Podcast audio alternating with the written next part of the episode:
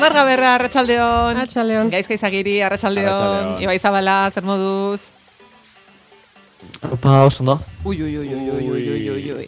Oso ondo? Ui, zemateko erreka hartu bada. E, ah, eh, bale. Bai, dezentekoa, eh? Itxone, Ibai, egingo dugu gure eh, azterketa favoritoa. Nik bat esango dut eta zuk mm, bi, birekin jarraitu jakiteko zenbateko erretardua duguna, dos? Oso da. Bat. Bi. Mm. nie. Bueno, Eh, Eh, bi segundu badaude, eh? Bi segundu. nire baserriko interneten kontua. Karo, kotxe barruan sartu bartzea, baina karo. E, Claro. bueno, momentuz e, e, eutxiko diogu, eta gero Bai. ikusiko dugu erretardo handitzen bada, ba, berriro beti bezala, itzali eta piztu, hori egin behar da. e, aizue, gauza bat, e, gaur, bai pasako hasierako arian, aritu gara gauzak hasi, noiz hasi eta noiz bukatzeari buruz. E, hasi gara, ba, liburu bat, ez? Liburu bate, noiz uzten duzu hor? Diot, ezin duzu Bukatu jarraitu. gabe. Bai, bukatu gabe.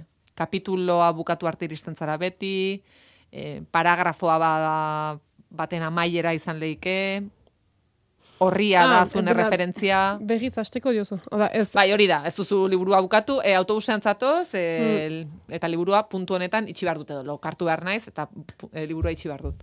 Non uzten duzue? Liburua izan Bai, horretxe guazten esaietara.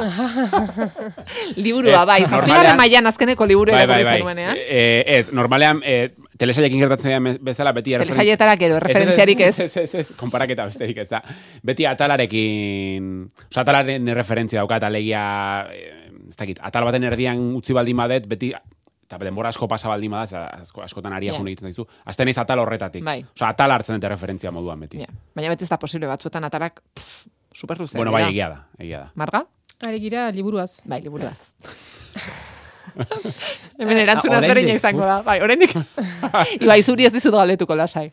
Eh, bai, Ah, ez albada, eman dituzu bi adibide, edo lokartzeko balin bada, uh, xeat, feruzez gauzak ongi egin, behintzat, uh, kapitula bukatu arte, edo atal hori, edo horiaren arabera ez, uh, eta hola, eh, bukatu gabe, hori gehiago adiaz, bai, ari, ari, ari bazira trainean edo autobusean erakurtzen, eta oh, joan behar duzu hola segidan, bon, hor bai, baina bestanaz. eh, Bai, ze, pff, esaldi baten erdian, hor. Mugitxoran aipatzuko zinura, bukatzen ez diren gauzak, hau da, uzten duzun liburu bat, eta behitz inoiz irakurtzen ez duzun liburu. Ez, ez, ez, ez, hori, hori beste ari bada. Ados. Bai, pasan edo zerrekin egin dezakegu ari bat. Kasu honetan, da hasi eta bukatu, ba, badakizu, behar bada gaizka hau gehiago, kontxako pasealekuan. Kontxako puntu batera iristen zarenean, pareta ikutu bai ala ez. Bai, bai, bai. No, bestela zertako juten ze horreaino. Hori da. Gaizka. Osa, baina niri tok moduko bat sartzen zaila. Bai, bai, niri ere, bai. Osa, igual falta dia eun metro, baina alare ikutu, barda. Eta zure ondokoak buelta ematen dut, esatezu, barkatu? Nola? Dena den iritsi naiz puntu batean, non disimularekin eh, Ah, bai. ukitzen duten. Osa, naiz juten horrela eh, eskua luzatuta. Osa, Zeiten zu? Hanka edo eskua, hanka edo eskua. hankarekin, Barka karraro begiratzen. Ez, mehari, bai, Jo, bai, asirara garo, me gero hartu naiz, nik gauza bat dutela, Claro. igerika. Ah, bueno, balio du. Balio. Eh. Ah. Itxasoan igerika, eh, ez, bai, kontxaran dibez, edo Ja. izurriolan, punta, me hor, ez duzu punta Bai, egiten. pentsatu, claro, endaiak ondartzan, hain da Ez, luzea. Ez, ez, ez, ez, ez, ez, Zula erdian, bale, venga, vuelta, listo. E, Ibai, zure kasuan? Nik badukat galdera, badukat galdera bat, eh, barnealdeko txentzientzako. Eh, nun azten paseatzen eta nun bukatzeu zue? Ze guk kostaldeko argi haukagu, ez? Ba, amildegiza eta itxasua azten da momentuan, bale, paseua hor bukatu da eta buelta ematen du. Baina barnealdeko jentiak? Ja, eske maio... Ah, bueno, itxoen, Lierni, kaixo, Arratxaldeon. barnealdekoen ordezkari bezala. Eh, Eibar barnealdea. ba- Badakit, eh, beste- uhartea bat duzuela, ez, baina- bueno, eta beste denak kostaldekoak zareten. Bai, kostaldekoa gara, ez? Bueno, Bai, bai, ez da. osa, berez, Bai. bai, bai, bizi Ah, bai, ez, eh? baino, bai, Ez, baina, bai. Bueno, ni bizi naiz kostaldean. bai, baina, Eh, jaio, Eibarren. Ez dut ondo ulertzen galdera, Ibai. Claro, utziko zaituztegu, barnealdeko eh? bat eh, paseatzen azten da. Paseatzen Eta hondartzan. Non azten da. Ez, ondartzan, ez, Ez ez, bueno, paseatzen bere herri Ah! jaioterrezan, eibarren esate baterako. Uf, Non azten zara paseatzen? Non bukatzen da paseo hori?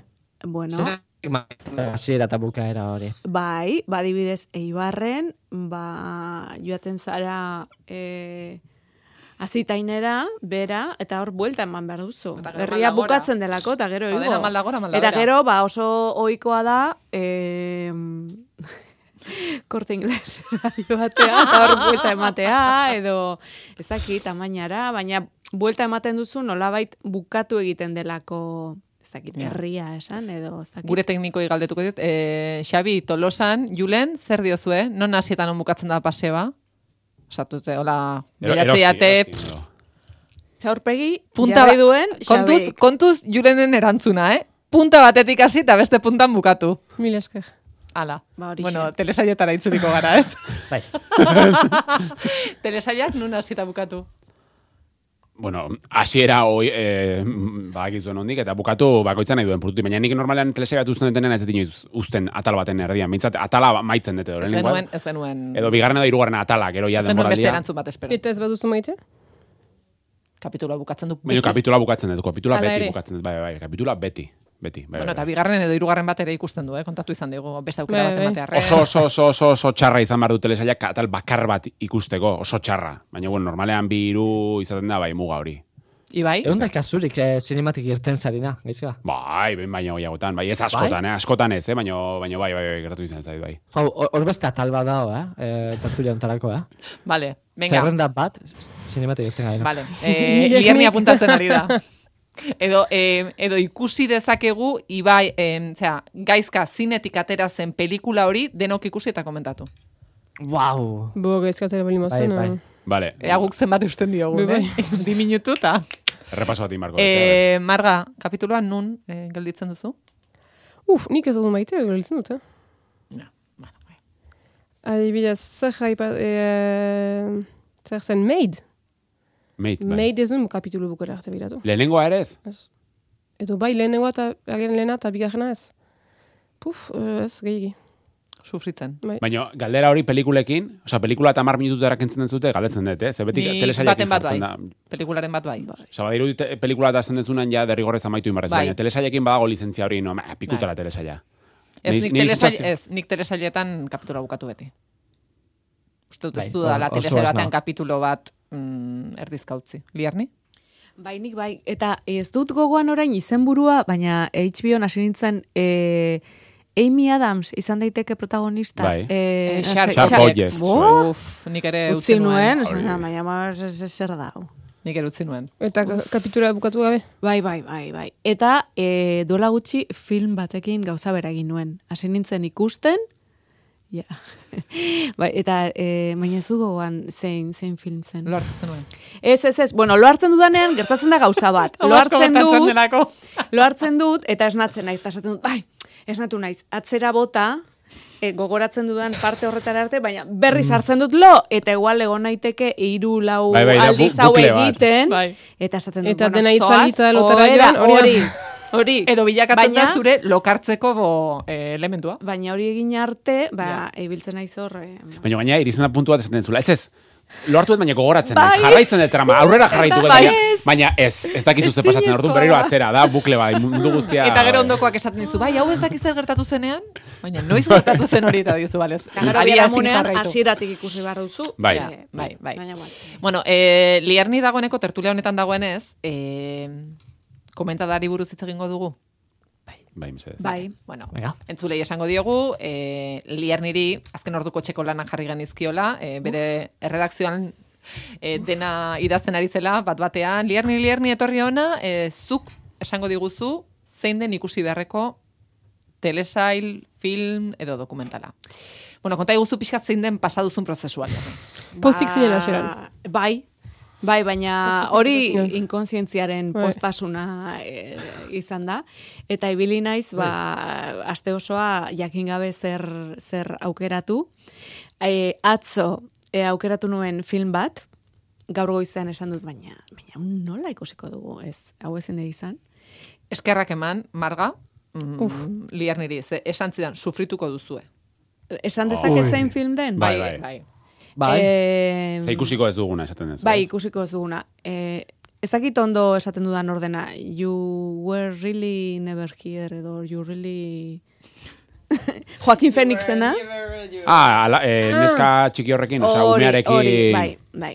niri asko Bai, gustatu You were never ere. really here. Bai, eta nola eh, kan den orain eta berak eh, hor saria irabazi zuen eta eh, gidoiaren sari honena ere eh, jaso zuten, ba, baina gero... Aukera hona ba, iruditzen zitzaizun. Bai, bai, bai, Bai. donostiko zinemaldian ikusi nuen, baina egia da, bai, bai, bai, eh, sufritu... Bai, Orduan, Marga, eskertu. Gero, ze gertatu zaizu gaur goizean? Eta gero gaur goizean nahi nuen, ba, ni ere izatea, e, e, bueno, nik ikusi gabeko film bat edo izatea. Bai. Oh, wow. Eta guztiontzat, ba, berria izatea. E, baina, bueno, gero aldatu dut. Eta orain da film bat, e, nik ikusi Txoin, dudana. txoin, trailerra Vale, entzungo dugu vale, edo bai. Agian, eh, Zer nahi norbaitek duzu egin? asmatuko du Vale. zer den... Zer nahi duzu, trailerra edo ze- filma. eh, Bai, bai, trailerra, trailerra. We've met before, haven't we? I don't think so. At your house, don't you remember? No, I don't. As a matter of fact, I'm there right now. That's crazy, man. Venga, li, ze, liarni ze entzuten. Ez duzu asmatu? Oso Bara, ezaguna jendik ez dut esango. Ezaguna egite zait aktoreen ahotsa, baina... Bueno, da David Lynchen Lost Highway. Bah, Orduan, e, pentsatu dut. Bueno, ba, nahi dut film hau ulertarazten ea laguntzen didaten e, zer ikusiko tertuliakidek, zentzu askorik ezakit baote duen, edo jakin nahi dut zuek ze zentzu hartzen diozuen film honi, edo nola... bai. Entzulei gogoraraziko diogu egin genuela bere garaian zerrenda bat What the fuck Hori da. filmekin. Bai. Eta David Eta zerrenda horretan David Lynch behin eta berriz atera zen. Orduan lierniri iruditu zaio, bueno, ba ideia ona, denok ikustea eta ea, e, bi pertsonek zerbaitetan gointziditzen duten. Iruditzen zait oso eztabaida divertigarria izan daitekela, Bai. ba, Baita, e, ezakit ona dela norbaitek zeo zer e, ulertuko duen film Oso ondo- horretan, baina oso e, ezin dituzu begiak e, pantaiatik kendu. Osea, Eta gaina hau, eh, oso ondo aukeratu duzu, ze justu ostiralean filminen jarri dituzte David Lynchen eh, pelikulak zahar berrituta, osa kalidade handiagoan, orduan... Bai. Orduan, Bai, ba. bueno, ba hori, Bai, eta, eta zer aztertu behar dugu, gogoratu Aztertu hemen aktoreak, elementu aktoreak, batzuk jarri bai, behar dira, bai. e, hau komentada serio bat da. Bueno, e, aktoreak zer iruditzen zaizkizuen, bueno, haien lana zer iruditzen zaizuen, e, Bill Pullman, e, Patricia Arquette, eta beste. E, eta gero, e, musikan ere, ba, bueno, pixka tarreta jartzen baduzuen, ikuste dut David Lynchek, e, bueno, soinu banda oso interesgarriak egiten dituela, Eta hemen gainera hainbat e, bueno, ba, artistaren e, kantak eta ere badaude bere nola da? E, badalamenti Badalamenti, oiko kolaboratzaileaz gain, ba, bueno, beste musika batzuk eta ere badaude. Ba, nik uste dut hori izango litzakela. Bai. Eta esaten Em, duzunean, ea denon artean zerbait ulertzen da, dugun, badago zerbait, e, Mm. filma bere osotasunean, punturen bat, Den, nik nahi dut zuen interpretazioak, Vale. bakoitzak zer zentzu ematen dion film horri, e, ez da inbeste adostasun batera iristeko. ez lako iritsiko. baizik eta, bueno, ba, David Lynchen film bat ikustean, eta e, preseski hau ikustean, ba, nola geratzen zaren, eta ze, ze ideia ateratzen dituzun. Gaizka, Eh, ikusi duzu? Bai, bai, eta boa, pila, baina egia da aspaldi ez dutela ikusten, eh? Ikusten, behin eta berriz ikusten dut, sekuentzia bat, e, txikitan ikusi nuena, eta buf, esango nuke, oindikan beldurra sorrarazten didan sekuentzia badala. E, telefono deiarena. E, da oso sekuentzia simplea, baina jo, David Lynch da oso ona gauza Bai. hauetan, ez? Gutxirekin gauza, gauzak sorrarazten, onerako zein txarrerako. Gainera telefono dei hori dago bere, te- berak benetan jasotzuen e, telefono dei batean oinarritua. Ah, Gero filmak ez dauka zer ikusirik noski. Baina, ez esan behar nuen, ala, mila bederatzerun eta laurogeita mazazpikoa da. Osongi. Eta, Ibai, ikusi duzu David Lynchen zerbaitzuk? Bai, urte bete neukanean zinera ez dutia erabakine ban, neu bakar bakarrik, eta film hau ikusi neban. E, Lynchen... Honi izugat buruan, Lynchen pelikularen bat ikusi dutenek. Ikusi biharko nuke bere filmografia, baina... Marga? Haren ez bere filmografia begiratzen ustut batzu bai, me... Hau ez? hau ez. Vale. Bueno. E, no, da, datorren astean izango da komentada? Marga? Nahi Uh, nahi bauz, eh? Bai? Bai. Vale. hemen bazarete. Bai, Bai. vale. Ba, Marga, Ibai, Gaizka, Lierni, e, datorren astean, e, Lost Highway komentatuko dugu zer ikusin. Zoragarri. Oso ongi. Ze presio. Zure arnaz estua entzun nahi dugu. Faktorian, Zegama Izkorri Mendi Maratoian parte hartzeko dortxal bat dugu zozketan emateko. Bidale guzu WhatsApp audio mezu bat entrenatzen ari zaren bitartean, korrika zabiltzala eta konta iguzu ze parajetan zabiltzan, eta zergatik nahi duzun dortxala. Ba, hemen aiga prestatzen izarretzen gora eta bera. Urkotik, jaiste, hori bai, igo eta gero. Bidali audio mezua 6 sortzi sortzi 666 zenbakira eta Zegama Izkorriko dortxala zuretzat izan daiteke. Ostiralean egingo dugu zozketa. Euskadi irratia, gertu eta korrika. Baina zuk ikusi zu Twitchen egin duen azkeneko streaminga? Se ha pasado todo el juego en 6 horas. Es un máquina. Martin, zertza biltza gaztelaniaz? Joe, ama, audio moztu didazu. Gainera, nila aldua naiz. Zukera aitarekin gaztelaniaz egiten duzu. Zer entzun, ura esan. Hizkuntza ohiturak etxean hasten dira. Gipuzkoako euskara zerbitzuak elkarlanean. Ambiente balima honi aurrea. Toki honean zaudela, uste dut, eh? Bihar, ETV baten... Ongi etorri, jateko modukora. Saltxari beldurrik ez dioten hiru sukaldari eta begiekin jaten duen gonbidatua. Zorrotza izango zara, eh? Ikasiko dugu. Alferrik da aurka egitea. Gatza bota duzu azukrea bota beharrean. Jateko modukoa. Ai, Bihar gauean, ETV baten. Batu Kirola eta Euskara. Eskola Kirolean, turismo aktiboan edo kiroldegian lan egiteko aukera eskaintzen dizu Kirolenek. Kirol irakaskuntzen ikastetxe publikoak. Multikirolean, titulo eta ziurtagiri ezberdinak lortuko dituzu Euskaraz. Entrenatzaile, sorosle, monitore, gidari edo pister gisa lan egiteko aukera izango duzu amalau kirol modalitatetan. Sartu kirolene.ezkuntza.neten eta ikusi Euskaraz ikasteko gure eskaintza. Matrikulazioa maiatzaren bitik ekainaren biran. Kiroletik, bagoaz Euskaraz. Eusko Jaularitza. Kaixo. Max! Max! Nor da? Max naiz, iritsi naiz. Hemen da Euskaltelen Zuntza Max. Zuntza potentzia maksimoan. Zatoz Euskaltelera eta eskuratu wifi zeiruen Zuntza Max. Mugikorra giga mugagabeekin eta telebista, hilean berrogeita bederatzi euroan urtebetez. Eta orain probatu giga simetriko bateko Zuntza Max iru hilabetez. Kontratatu amazazpi berrogeian dendetan edo euskaltel.eusen.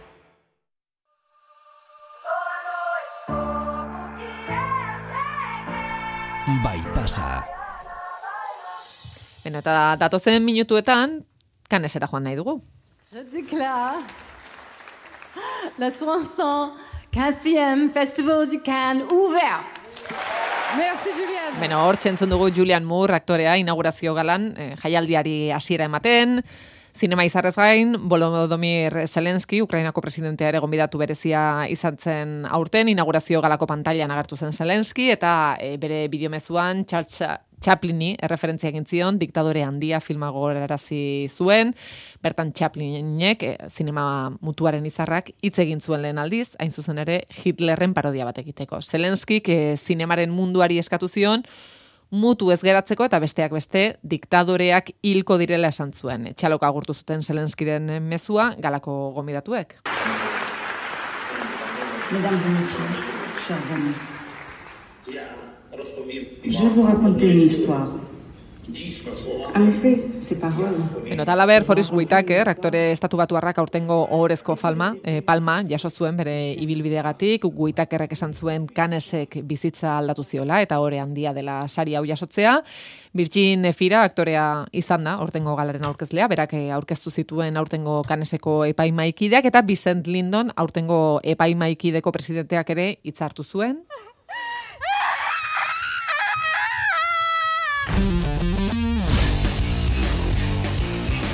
Michael Hasanavicius, zuzendariaren kupe komedia berria eskaini zuten bart, e, lehiaketaz kanpo, eta film honekin aste osoan ikusiko diren emanaldiei hasiera eman zitzaien. Beti esaten da, etorriko diren kalitatezko film filmen erakustaldia, ez, egiten dela kanesen, horrez gain, ezin daztu, zinemagintzaren industriaren zatera itzordu garrantzitsua dela. E, kanesen dago Arkaitz Basterra, zinemagilea eta Euskadi Ratiko kolaboratzailea zinema kontuetan, eta faktorian, e, entzun dugu gaur goizean, eta esan zuenez, esan duenez, kanesen ematen du, mm, ez dela pandemiarik izan, txinako zinemagileak falta direla soilik, e, COVID-aren aurreko moduko jaialdia izaten ari dela, mm, bueno, lehen ordu hauetan behintzat. Hain zuzen ere, kanesen mobidik izeneko inbertsio funts baterako egiten ari den lanari buruz ere hitz egin du, e, arkaitzek entzun. Justu hau da, e, Mobidik Film Capital da e, inbertsio fondo bat, eta bueno, ba, akzioetan eta inbertitu gabe, ba, filmetan inbertitzen du. Eta nire lana da, ze filmetan, ba, diru hori, ze filmetan inbertituko den, ba, erabakitza era batean.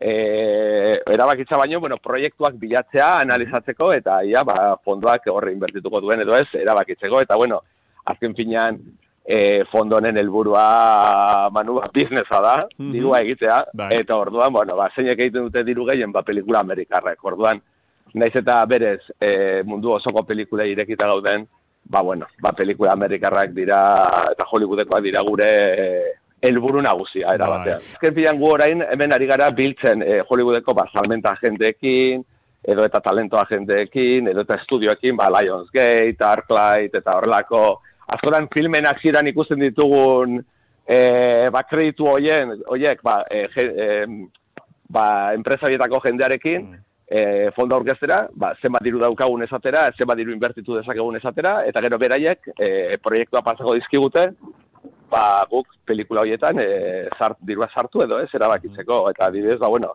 ba, pe, jende honek, ba, adibidez, ba, ze pelikula egin ditu, ba, ba, edo, edo Koda, edo Spider-Man filmak, edo Colette, Hellboy, ba, horrelakoak, ez da, ba, akziozko filmak baita ere, genero guztietakoak, dramak, ba, denetarako e, prest gaude, eta, bueno, baina baita be, euki behar dute aktoreak eta ezagunak izatea, ba, beno, ba, ba Meryl Streep eta Charlize Theron, Ryan Gosling, ba, maior hoietako jendearekin.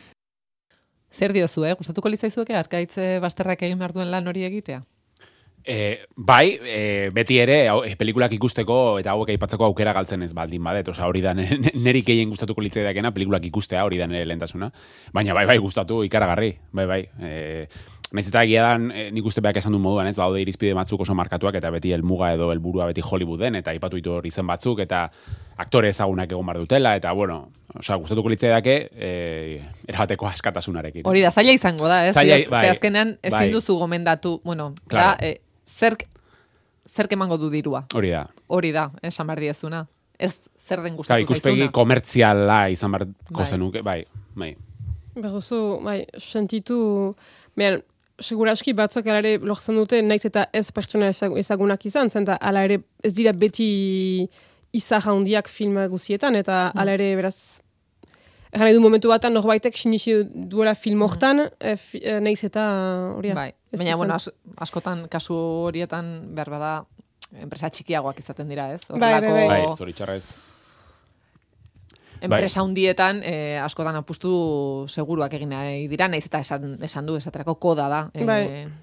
egin duen film, filmetako bat, baina... Beko da, dela, pelikula frantziar baten remakea, eta gaina, e, aipatu ez zute, leno, e, irekiera pelikula, jasanabizioen pelikula da, pelikula japoniar baten remake bat, eta egon dia hor kritika txiki batzuk, ez? Kan Bai. zinema jaialdia irekitzeko zombien inguruko pelikula japoniar baten remake aurkeztu dute, bale, koda. Uste dut dela um, film japoniak, fe, eh, ikasle fe, film ja, fe, Bai, bai. eh, japoniak baten... eh, Bai, bai, erdi kamera traketx batekin, bueno, traketxa edo, bai, erdi da, dokumental faltsua eh, grabatu. da f- i, eh, gidoi hori beste, beste maila batera ere matea, eta hor bai badela izar uh, Romain Duriz, Bereniz Bejo, fe, uh, frantziak aktore izahak dira, Bereniz Bejo irabazi zuen uh, um, uh, kanen sari ezakituela urte pare bat edo, uh, no, gehiago. Um, af, asgar, uh, af, af, Far, arfadi, bai, Far- fargadi, beti bai, gai- gaizki bai, bai. Asfar fargadi edo fargadi. bere, bere film batean, le pase uste dut, uh, The Artistekin ort, Mhm. artistenen uh, ere izan zen. Beraz, bai, be- aliaz, niri zombien, bu, zombien buruzko film bat, egin batera hartzen, baina ikusita nor ze, ze aktore den barren, bon, egia da, agian, baina egia da, hola, pixkat, uh, trailer jate ikusi ditut, eta bon, berez, ez da bat nire, nire erakarriko ninduen zabait, baina, ah, ezakit, iduridu, hola, ulertu denatik dolako, da, txiste haundi bat bezala, beraz da, da, fi, zombiei buruzko film baten erodaketari bu, erodaketan buruzko film bat. Eta beraz, da... Kontuz, e, Ibai, behar bada gertuago dago. Kung Furyri buruzko errodajearen inguruko film bat. Bai, eh? Bai, ez? Bai, gertuago dago. Itz, itzi gabe. Ojalá, ojalá, ondo, goza. Jo, gustatuko litzaizuke ez joango zinateke zinera hori ikustera, ezta? Zalantza barek. Zalantza barek, eta tertulia hontako ordezkari moduan gaina. Ez baina bai, egia da, osea, niri adibidez zombiak erakartzen haute, baina egia da kan bezalako zinema jaialdi bat, hola, behintzat lehen bista batean nik ere irudiak ikusi dut, eta arraroa egiten zait horrelako pelikula bat irekierarako aukeratu izana, eta arrazoia da jasan abizuz dagoela horren Hori da, atzean, bai. urte batzuk de artist zuzendu zuen, eta ospea lortu dut, aktore ezagunak, eta ba, ho- hori albidetzen du, ez, azkenean, eh, pertsona ezagunak egotea proiektu baten atzean. Azkenean, iaia proiektuari etzaiola, bueno, etzaio begiratzen ez dut hori Bai, esango, bai. baina... Bai, beste zerbait, uh, me gero, e, um, lehiaketan diren filmeetan, adibidez, ni uh, Le Oto Montagne, uh, sortzi mendiak edo, filma bada, eta hor adibidez, nik ez, eh, segura, agian ezagunak dira, menik ez ditut bat ere ezagutzen, eh, ez zuzendariak, ez eh, aktoreak, eh, Felix van Groningen eta Charlotte van der Meersch.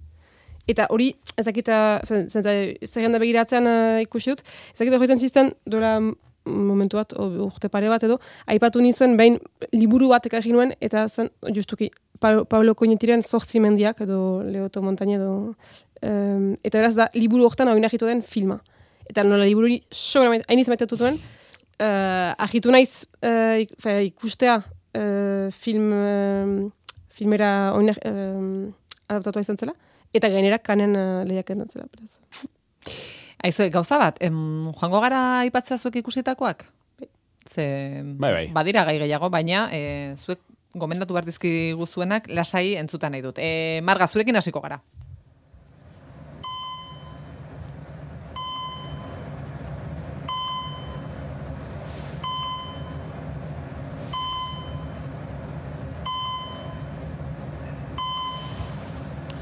Doterren trailerra, e, e, entzuten ari gara, naiz eta edo zein ospitaletako soinua izan zitekeen, baina soinu hau entzun da, mm, Alare girotzen du. tristea dela esango genuke. Bai, bai. Film laburra da, uh, arten ikusten aldena, ei aldetik eta ego aldetik. Hori da. Uh, poesia utxa da, film uh, labur hori, zinez. Uh, ama sai minutu eraute ditu, otoi ikusi, zinez. Uh, Piskat triste bali mazaizte, bon, agian nire giren duzu, me berdin du. Ikusi. Eh, ikusi. Agian negar egingo duzu, baina berdin du. Bona egiten du batzutan. Uh, Daria Kashibaren uh, film bada, 2008an atera zen, eta geroztik hogeita emezortzisari uh, lortu ditu, eta ulertzen da zergatik. Paperez edo egindako panpintxoak dira, uh, baduela um, ikutu aski zikin bat, uh, nez eta stop motion teknikarekin egindako animaziozko filma izan. Um, beraz, horrek deanik eh, ematen du giro berezi baten, e, batez ere, panpin horiek eginak diren uh, modon pintatuak izan diren modon, ez, ez da bat ere ora, zerbait garbi eta eta perfektua, baina gehiago ora, uh, zakit, etxean egindako panpintxoak bezala. Ez da itzik, trailerean eh, entzun dugun bezala. Eta aita alaba um, ahemana aipatzen duen uh, filma da, komunikazio eza. Uh, uh, ardatz duen filma. Gaizki ulertuak, uh, emanak ez diren besarkadak, uh, denbora nola joatenen, beraz, ast, uh, traileran entzun duzen bezala, filma hasten da ospitaleko gela batan gira, eta aita hil zorian da. Uh, bere alaba, beraz, ondoan da, eta heldu zaizkio aurtzaroko oroitzapenak, uh, adibidez, uh, nola behin sori zauritu bat uh, ekarri zion aitari, eta beretzat aur bat da, beraz beretzat nola garrantzitsua zen xori hori nola, nola zaindu, edo nola, nola, nola babestu, edo, eta nola salbatu. Eta aitak be, ez, du, ez du kasurik ematen, edo ez du ez dio behintzat berak nahi luken eh, garrantzia ematen. Eta nola zauri, zauri txoiek ze, ze garrantzia hartzen duten gero urteak eh, joan ahala, eta nola be aheman bat nola hausten alden, eta nola urjuntzen alden. Um, biziki edera da, uh, biziki unkigarria da, uh, itzik, ez, itzik ez du ez duenez, baina musikaren uh, uh, musikaren uh, garrantzia edo zinez uh, biziki garrantzitsua da. Um, eta ez, flashback batzoen bidez, uh, ulertzen dugu aita alaba hoien uh, ahemana, eta nola oroitzapenak, uh, be, segun nola oroitzen ditugun, uh, zer perspektiba duekin ere ikusten, ikusten, ikusten dituzken. Um, zinez, uh, bai, biziki, fe, bai, biziki edera da. Uh, eta batez ere, hori uh, gehiago gauza sartzen magira arlo teknikoan, uh, iduriz, lehen labur metraia da, uh, stop motion egindako labur metraia, uh, kameraren mugimendua erabiltzen duena. Hau da, naiz eta motion izan, eta gara pixkat ahigarria dela ikustea animaziozko filmat, kameraren olako mugimendu ikusimentutan ari da eskelerak igotzen antibidez, eta uh, pantaila erabat uh, Be, goitik bera mugitzen ari da, eta ez gira, ja da, ez gira oituak um, stop motion edo animaziozko filmetan olako mugimenduak uh, ikustea, eta eduriz, bera da, pixkat, be, hori egiten uh, lehena edo lehenetarikoa. Mm -hmm. uh, beraz, koloreak musika dena uh, daughter edo alaba, uh, Arten duzue, bai, begira ikusten. Eta triste badi mazaudeten, egarra egingo duzue, baina berdin dira. baina ikusi. Ibairen ikusitakoa entzungo dugu? Happy birthday, Happy birthday, honey. Happy birthday to you. Well, this was your days. Ibairen gomendioa. Bueno, Ibai, e, gaurkoan ere, The Devil All the Time, e, film honek merezi du zure gomendioa. Bai, holan esan da, emoten dago ez tala erresa, eh? Gomendio honen, eh? Zagit lorpenea edo lortzia, baina... Bueno, azken aldean, bai, bai, bazabiltza gomendioak ematen, baina izan zenuen horrelako garai bat, erdi gomendioak... Erdi eh, bai, baina azken aldian, bai, bai, ze ondo, aukeratutakoa gustatu zaizu eta gomendatzen duzu. Zergatik gomendatzen duzu The Devil All the Time? Eh, bueno, pelikulei bat dalako. Egiz esan ez dakitxo zondo nundik eldu pelikula hau, ez dakit nundik, nundik eh, hasi defendatzen, baina argi daukate defendatu behar dan pelikula badala. Trailerrian entzuten zen, eh, bueno, zoriontzen, ez, edo, edo e, zorionetako kantua besten eh, emakume bat bere logiari. A ba, pelikula hau, oza, e, estena hau, pelikula honen erdialdian gertatzen da. Protagonistak ez dut esan, esan Tom, eh, Tom Holland eta eh, bueno, oza, aktore onakin eh, repartu oso onaz eh, baliatzen den pelikula bat da, daukau Tom Holland daukau, daukau Robert Pattinson bai, daukau beste behin, aurreko, ez dakit aurreko bastean aipatu neban, eh, hau, The Northman, aurreko bastean izan zen? Jo, ez dakit. Eh, eh... The Northman aipatu neban na, posible da? Bai, bai, bai, bai, bai, aurreko bastean izan zen ba, bertako protagonistien beste anaia bat azaltzen da pelikula hontan be bai, Bill Skarsgård. Bai. Skarsgård uh, familia mm, gaizkak eta zuke ekartzea erabaki zenuten egunora. Bai, aurreko astean. Hori da. Pelikula hontan be, ba, pixu handi jaukon beste pertsonai bat, bat ba, Bill Skarsgårdek eh, gorpusten daudela, iteko aktore bera. Eh, bueno, pelikuliak azaltzen da da, eh, historia ezberdinak zelan e, elkar lotzen dizen ez da patua dan edo kasualitatea gatik eta aman komunian dauken e, ez gauza bat dauken aman komunian eta hori da pizkat erliginoia erijotza edo sexua, ez da? Pizkat, e, iru erpin horretzan mugitzen da pelikula hau. Eta erliginoia bastante modu mm, estremista baten edo bizitzen da pertsonai batzuk.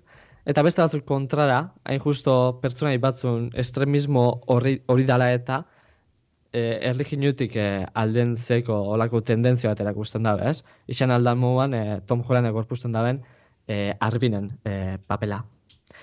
Arbin eta Lenora dira, pelikula hontako protagonistak, bizak e, anaiarrebak dira, baina anaiarreba e, ez odolekuak, oza, hermanastro izango zen gazteleraz. Baina, pelikula erdizan azaltzen dira bi pertsona honek, zeitxan kriston prologo luzia dugu pelikula honek, Arbinen iragana azaltzen, edo aurtzarua azaltzen, eta holan txeri justifikaten zelan mm, hogeta margarren amarka, oz, barretu, berrota margarren amarka da bueltako e, testu inguru baten zelan gure protagonistia erliginotik guztiz aldenduta da hon, ezta? E, The Devil All the Time izeneko pelikulia da hau, eta izenak berak etxotzo erreferentzia, erreferentzia zuzena e, pelikulako pertsonaiak frentein bihotzen beldur edo etxai horrei, ez dakit Devil zelan euskararatu oso ondo, baina, bueno, pelikulan zehar badaoz, ez dakit, ostopo batzuk, etxai batzuk edo gaizto batzuk edo, bueno, frentein bihar jaken pertsona batzuk, ez dira egoerak soiek, baizik eta personifikatuta da oso horrek eh, gaizto horrek, horrek, geko txartian, eta ikusten da getzelan pertsonain ezberdinak etxoltzen frente, modu ezberdin baten, e, etxai edo gaizto horri, ez? Daukagu esatzen baterako lehenoran kasua dela e, kertzau oso, ez, bueno, oso estremistia ez, baina, bueno, ba, kertzau, kertzautasunan sinisten da nahi zuitzuan, eta beden modua frente etxeko horreri, ez, gaizkizari, da, ba, bueno, errezatu eta listo, pertsonai pasibo bat izan, inoiz bez aktibua, norbere esku dagonez zer ez da eitzen, eitzen dan bakarra da, bueno, bibliak edo kultura, osea, erligio kristauak e, markatzen dira zen parametro batzun barruan olako xe izaki bat izan, ona eta errezatzen da baina, eta hola, eta kontra daukagu harbin, inungo spoilerekin barik, e, bueno, bere esku hartzen da baina, ez, etxai horreri aurre etxeko e, kargua edo e, edo arduria. Da, hauz, guztiz, zuzen, guztiz lotuta dago pelikulien hasieriaz, ez? Eh, totenan nahi azaldu, baina bai, bueno, arbenek eh, olako esperientzi negatibo bat bizitzen dau, kristautasuna eta eh, gaixotasun baten artean, ez? Orduan, ez da oso ondo zelan defendatu pelikula hau, narratiba oso interesantia dukon pelikula bada, eta ontsen narratibia aipaz, zertela nahiko nuke aipatu eh, nahiko bereiz garraitxo dutzena pelikula honi, eta aspaldizan ikusi ez duten, duten elementu bat, dala narratzailea, narratzaile bat dago pelikulan, eta bertan berak eh, azaltzen gaituz pertsona ipakutzen eh, pentsaerak zentsu dizen, ze pertsona izak eurak ez da bez, verbalizaten ez da, baina narratzaileak esaten gaitzu zein dan euren pentsamendu lerrua, eta gauza guztiz positiboa iritu pelikulan, eta emo guztan galdetzera ber eh, norrete da narratzaile hau. Pelikulako pertsonai bat da etorkizunetik historia hau kontatzen dauna, edo nor da. Bueno, kontua da, narratzailea dela Donald Roy Poyok, izeneko gizon bat, bera da, izen, e, pelikula honen izenbereko nobelien idazlia, eta pelikula hontako narratzeia da, ba, novela hori idazia pertsonia, ez? Orduan, bai, zalantza barik e, gomendio badala, esango nuke. Gomendioa zalantzarik gabe. Bai, hemen bi konexio ibairekin, ja zodiakena aztutzen nahi naiz, bo, lehenik eta beneri ere hau pelikula irutze dalako.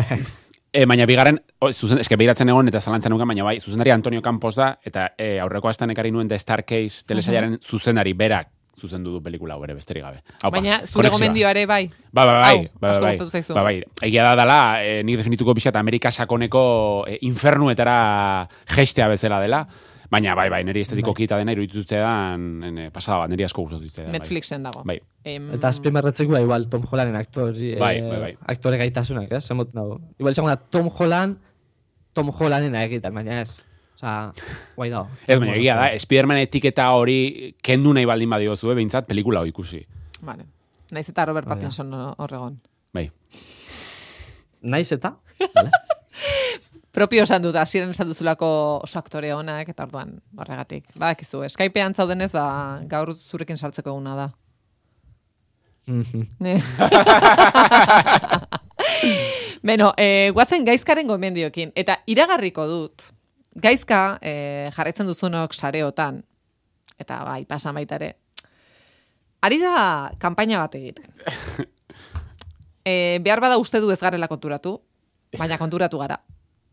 E, gogoratzen zarete, ikasturte hasieran... Jo, olaia, e, osea, u- u- zurreta lur gelditzen nahi naiz, eh? Eh? Bai, beste, bakit esango dezun, eta uste nuen, bueno, segi, segi. Vale. Kurso hasieran gaizkari eskatu genion horrelako eh, ranking bat egiteko gaur egun eskura ditugun plataformen inguruan. Mhm. Bueno, ba, prezioa, e, eta, Ez, bai. eta orduan galdetu genion. Gaizka, gaur egun plataforma bat aukeratu beharko bagenu, zein hartzea gomendatuko zen iguke. Eta berak esan zuen, Apple. Ze gainera, 2008an Applek ekarriko ditu urteko telesailik onenak, gero zer gertatu zen, bueno, Applek ez zituela hain gomendio, eh, hain eduki onak ekarri.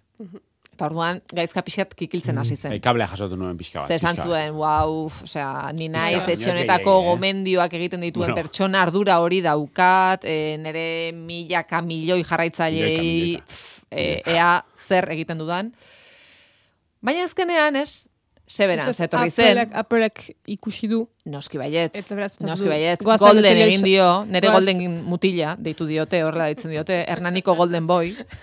Eta orduan, e, Severance iritsi zen. Eta ja, hasi zen, eh? Pa, Severance. Gogoratzen zarete nik Applek egingo zituela gomendio onak, ez? Ah, ah, oso eduki onak ekarriko zituela. Gaizkaren gaurko bi gomendioak Applenak dira. Kasualitatea? Ez, uste. Ez dut uste. I, I don't normally do these kind of speeches, but this feels like a big moment. I know it's not easy being banished from MI5 to my department, but that's on you. Only screw ups get sent to Slayer House, and I've got to be honest. Gaizka? Nola, nola jarraituko eto o, e, olaia? Ilusioa egiten dit, e, gauza hauek ateatzea eta nahi hainbeste zautza, baina beldur pixka bat ere, eh? Ze, bai, egia da nik ate behar nuela orain, Entzuten zaitugu. arro arro eginda apelen kontua, Bai. baina, baina ez ez, ez zituz eta rapatu, baina bai, ala da. Ba, denbora, bueno, ez dakit denbora edo zer. Denbora karrazoi eman dit. Hoi esan barnuen, baina ez dut esango. bai, e, gaurko bi telesaiak gomendioa dira, biak, e, eta bueno, gehitzen ditut, bai Severance, bai Patxinko, e, ez dakit denbora eman zian aipatzeko telesait korea rura, naiz gogoratzen, baina aurten e, ikusituanen honen artean laurak kokatuko nituzke eta lauak apelenak dira. Bueno, lehenengoarekin hasiko naiz, enaiz- enaiz hasiko jarrankinekin, arkatu. Bueno, Bueno, aspaldi, aizu. Ez, ez, mehan da? zuen ez zura gero jankin egin Ez, ere. baina, Xabi, aspaldi ez duzu erabili. E, eta, eta itzaki asko eman dizkizu, beraz. Adi, gaizkaren rankina. Etzenekin zer egin pues Rafa gateratzeko, zer gaitasuna, gau- txipa pipa, segundutan pipa. gauzak ateatzeko. Eh, Hori, Zer- gazabri aptatzen egin zen, buah, mori prestu. Bai, bai, ja, hemen kristalan bestalan daudena, Mira, mira, ma- gainera, makina batzuk. aurpegi bat, en plan. Makina. Ez usten zuen. Noski, Makina. klak. Eh, vale, venga, ba. Bueno, ze postutan ja, ez dakit, hori urte bukaran esango dizuet. E, Slow Horses da telesaianen izenburua, e, zaldi motelak, itzuli daitekena, Appleen telesaia esan duten bezala, eta asko gustatu zait, ez nuelako ez zertxo ere es- espero telesaio honetatik, e, azteko trama oso ohikoa delako eta oso simplea, baina jo, nola kontatua dagoen asko gustatu zait. E, lehenik eta behin, atal bakoitza esan nahi nuke, azten dela Strange Game izeneko abesti batekin, e, espreski Mick Jaggerrek komposatu duen abesti bada, eta hau aipatzen dut, zegia da hasierako titulak ez diela oso ikusgarriak, osea, bueno, nahiko arrunta dira, baina musika, eta batez ere musikaren estiloa e, oso garrantzitsua da, gerora ikusiko dugun telesaile horren tonoa, edo batez ere atmosfera antzemateko hori adibidez True Detective oso ondo egiten zuen, ez? hasierako titulak ikusi eta ja bagenekin pixkat ze mundutan sartu behar ginen, ez? Ba, iruditzen zait, eh, Mick Jaggerrek komposatu duen abesti hau, gaina nei temazo iruditzen zaidala. Gogoratzen dit pixkat Peaky Blindersek eta erabiltzen duen e, abesti hori.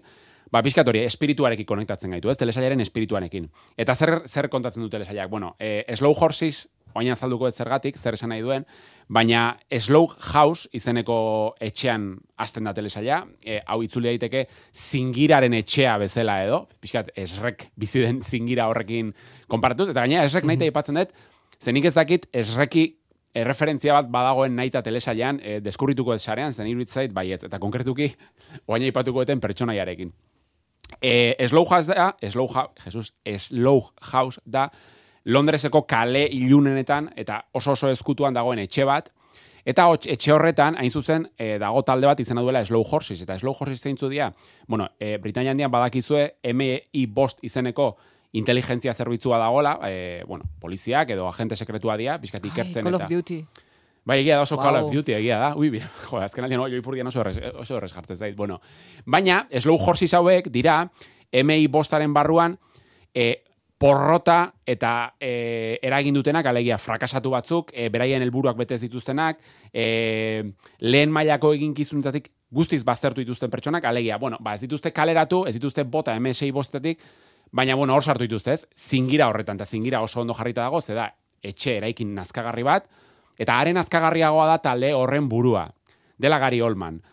Gary Oldman ziurrenik nire aktore favoritoa ez da, baina favoritoenetarikoa da, eta hemen ere ala frogatzen du, ze gorpuzten du e, Slow Horseisen buru, burua den pertsona, eta tipoa da jasan ezinan, azkagarria, alkoholiko hutsa da, e, bueno, argumentu hau pixkat pobrea da, baina e, Gary Oldman puzkerrak botatzen ikusi nahi baldin baituzue bos minuturo, ikusi zazu telesa jau. Ze, bai, bai, bai, bai, badakit argumentu... Aldeko argudio bezala. Aldeko argudio bezala, badakit oso doakoa dela argudio hau. Jo, baina eske, aurpegia. Baina, eske, bueno, gauza da, ez da humorezko telesail bat, baina bai. Da, kontatzen duena da, talde honen egunerokoa, baina, e, esan dizuet, baztertuak, opixkat errefusa dien pertsona dia, Eta bapatean, e, supremazista talde batek baitzen du gazte pakistandar bat. Baki, gazte pakistandar hori gainera umoregilea da, eta, bueno, pixkat hor, e, baitzen duten momentuan, e, bakarrizketa baten erdian harrapatzen duten, non pixka sartzen den ba, erligioarekin, politikarekin, eta hor ere umoraren mugak eta aztertzen dira. Eta justo baitzen duten unean, ba, hankaz gora jarriko du. Bai etxe hau, bai MSI, MI bost inteligentzia zerbitzua. Ze, bueno, beraien artean sekulako liskarra dago. Gary Oldman, eta MI bostanen buru den Christine Scott Thomas aktoraren artean. Eta bien artean da, bueno, pixkat gin eta jan dira, eta bien artean sortzen den tentsio hori ikaragarria da. Eta orduan, e, telesailan ikusiko ez dutena da, joko, e, katu eta xaguaren arteko joko bat, e, distantziak salbu, eta bueno, demoraldi onenak, kom, onenekin konpartuz. Homeland eta era horretako telesaila gustoko baldin baituzue, espioitza thrillerrak, akzioa, eta batez ere umore beltz eta oso ironikoak dituena, gomendatzen dizuet, sei atal soilik dauzka, okerrena da, motzegi iruditu zei dela, oso oso azkar ikusten dira, berrogeita mar minutu iraten dute, baina oso errez ikusten da. Eta, jo, Gari Olmanen pertsonaia da, e, nazkagarria da, baina sortzen ditu umore puntu batzuk oso beltzak eta oso divertigarriak, eta eta neri oso oso adiktiboa iruditu zei telesaila, eta horregatik e, gomendioa. Slow Horses, em, nola ez, Apolen? Sagar, bai, hori. Memories are fragile. I want us to sketch out the right man. We just need enough details for someone who knows him. Ia esan, azen nolako aktoreak daude eh, azken aldian Apoleko telesaila hauetan, ze Elizabeth Moss, eh, bueno, Handmaid's Tale, edo Mad Meneko Peggy Olsen, ze badaki Handmaid's Tale eh, egin duela, baina niretzat beti izango da Peggy Olsen. Eh, bera, agertzen da... Italiarrek gaur gaurkoz ez ui, dute ama. giro irabazteko hautagairik, baina Ai, ze marka polita! etapa garailetzat denak Eh, ere ze polita, komentatu dezakegu giroa apaurekin. da Xabik ez zer Dainez. gertatzen ari den? DSM. Saiatuko naiz telesaila saltzen fondo, fondo Alberto. Ba. Dainez, Eta Eh, taldean Elizabeth daileno, Moss, Jose pena. Ya está, jo, Motibatuan egon, bueno. Eh, bueno, ea nola maten diogun, Venga, eh, buelta honi, eh? Elizabeth Moss, Shine, Shining Girlsen, eh, apauren ahotsarekin Apolen. Venga, ba. A ber, a ber, aria non topatu. Bueno, eh, Elizabeth Moss haundia erraldoiarekin batera, eh, Wagner Moura, Wagner Moura oso ezagun egin azken urteotan, eh, narkos telesailan Pablo Escobar gorpuztu zuelako, hemen asko zargalagoa, eta Jamie Bell. Jamie Bell beti izango da Billy Elliot. Eh, ez hasi da, baina bueno, egia esan oraindik eh, antzeko jarraitzen du. Eta ekoizlea, telesailaren ekoizlea Leonardo DiCaprio da. Hau nahiko deigarria da. Mm. Eh, bueno, nik definituko Protagonistak zer ditu, emezortzi urte. Zeinek?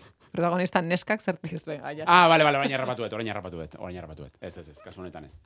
Ekoizlea da gaina, eh, dirua besterik ez du jarri, ez du gidoian, ez ezer ez du, ez du erainik izan. Bueno, zodiak bat, elementu, ez dakit fantastikoak esan, ze kontatzen duena da, eh, Elisa, ui, Elizabeth Olsen esan behar nuen. Elizabeth Mosen pertsonaia da, e, egunkari bateko artxibategian lan egiten duen emakume bat, bere helburua do bere ametsa da kazetari izatea, baina bapatean e, pertsona baten erasoa jasaten du, eraso nahiko basati bat. E, baitu egiten dute, baina lortzen du bizirik ateratzea. Hau ez da spoilerra, ze hau kontatzen da telesaila, osea ez da telesailan kontatzen, baizik eta pixkat e, bera kontatzen duen historioa da. Eta bapatean, eta hau ja hasieran gertatzen da, beste neska bati erasotu egiten diote. Eta konturatzen da eraso horrek badituela zantzuak edo badauzkala antzekotasunak behari egin zioten erasoarekin. Eta, orduan, e, Wagner Mouraren pertsonaia sartuko da, bai dela kazetaria, eta bien artean hasiko dira ikertzen, eta konturatuko dira, ustez, badagoela serieko hiltzaile bat guztionen atzean, baina, bitxiena da, serieko hiltzaile hori harrapatzea ezinezkoa gertatuko zaiela, e, ba, badiru delako, gertatu behar den guzti hori, jada ba, ezagutzen duelako. Ezagutzen duela. alegia, hemen elementu pixkat, ez dakit fantastikoak edo zientzia fikziozko elementuak sartzen dira, horregatik aipatu ez zodiak, Dark telesaia ere, bueno, sartuko nuke tartean. Alegia, hiltzaileak badakiela zer gertatuko den eta horregatik beti do aurretik. Bueno, horrelako zerbait esango, ez, ez ditut spoilerrak botako hori da hasiera batean dirudiena, agian hori da, baina agian ez, ez dut e, esplikatuko. Eta jo, iruditu zait, e, bueno, eske Elizabeth Moss agertzarekin bakarrik ja argudio nahikoa da, baina hemen ere erakustaldia, beti bezala, eta atmosfera, e, hasieran oso oso oso motel azten den arren, pixkanaka, pixkanaka, pixkanaka, pixkanaka, ez dauda, pixkat su motelean jartzen dugun ur hori bezala, ez, irakiten azten da guztia, eta pixkanaka, pixkanaka forma hartzen duan telesaila da, eta ni nago zeharo hipnotizatua telesailarekin, oraindik ez eta amaitu, eh? E, amaitzen detenean esango dizuet. Zenbat kapitulu ditu? E, zortzi, eta bos, seigarren aste honetan emango dute, osea, bi aste barru amaituta egongo. da. Zeapolen astero jartzen dituzte edukiak. Oso gauza raroak dituzte, hori aitortuko. Bat batean jartzen Ai, ai, dituzte. ai, ai, kritika bat? Ez, eh, bueno, lehenengo hiru atalak, eta gero astero bat, eta bat batean azken biak batera. E, ez daka logika gehiegirik. Osea, bueno, azken, azken aldian eitxu berdin dabil, eh? E, asteko emisioa da, baina batzutan dia atal bat, bestetan bi, bestean hiru. Momentuz sei daude, zortzi izango dira, osea, bi aste barru osorik izango ez dute e, Shining Girls telesaila. Eta gomendioa da, noski. Eta noski apelera arpidetu. Ez, bueno, hori ez dut esango. Hori, hori, hori, hori ez dut esango. Baina egia da, gaina arpidetzari merkeena da, la laura Bai, hori egia da, egia da. Ba, ez dut esango. Baina, momentuz, e, Severance da onena. Severance da urteko onena, bai, bai, Vale. nabarmen gainera. Orduan, hauek ranking baten egongo lirateke? Bai, Uste duzu, oraintxe, Eh, aurten ikusi duzunetik, amarreko rankin batean, bai. bai, biak. E, ba, bueno, a ver, Shining Girls amaitu inbardet, baina agian, bai, agian. Bai. Bueno, amar, amabost esango eta amabost. Joder, fuerte, eh? Ama- Hau grabatuta geratu Eta da. oraingoz, Hamabost. ze, ari, janik bostera bete pasa dira, bi. Severance, Severance nabarmen, e, orain, pua, Venga. Severance, Ama bosteko... hogeita mar segundu. E, Severance, jo, baina rapatu inauzu, eh? Venga, lasai, lasai. E, Gero aldatu daiteke, hau ez da betirako horrela izango. Pentsatzen nahi ba, e, zu- e, osea, erabat Bakarrik gelditu naiz. Severance. Lehenengoan Severance. Eh, Pam Tommy ere, baina hau askoz berago. Eske, somewhere, somebody somewhere ere jasartuko nuke, HBO-rena. Eh, zurian gelditu, naiz? Izterrenda badaukat gainera. Bueno, lasai. prest. Ez Ahaztu datorren astean nahi baduzu ekarri, Vale. Vale. Urte bukatzeko. eh. Severance. Baina Severance ikusi hori da. Bai, bai, beti zalantzarik Beti, mm, zalantza baldin baduzue, Bai, Severance. Hori da, da, bai. E, Marga, Ibai, Gaizka, mm, datorren astean gogoratu, David Lynch buruz hitz egingo dugula zer ikusiko komentadan. Datorren astera arte. Aio. Aio. Ade.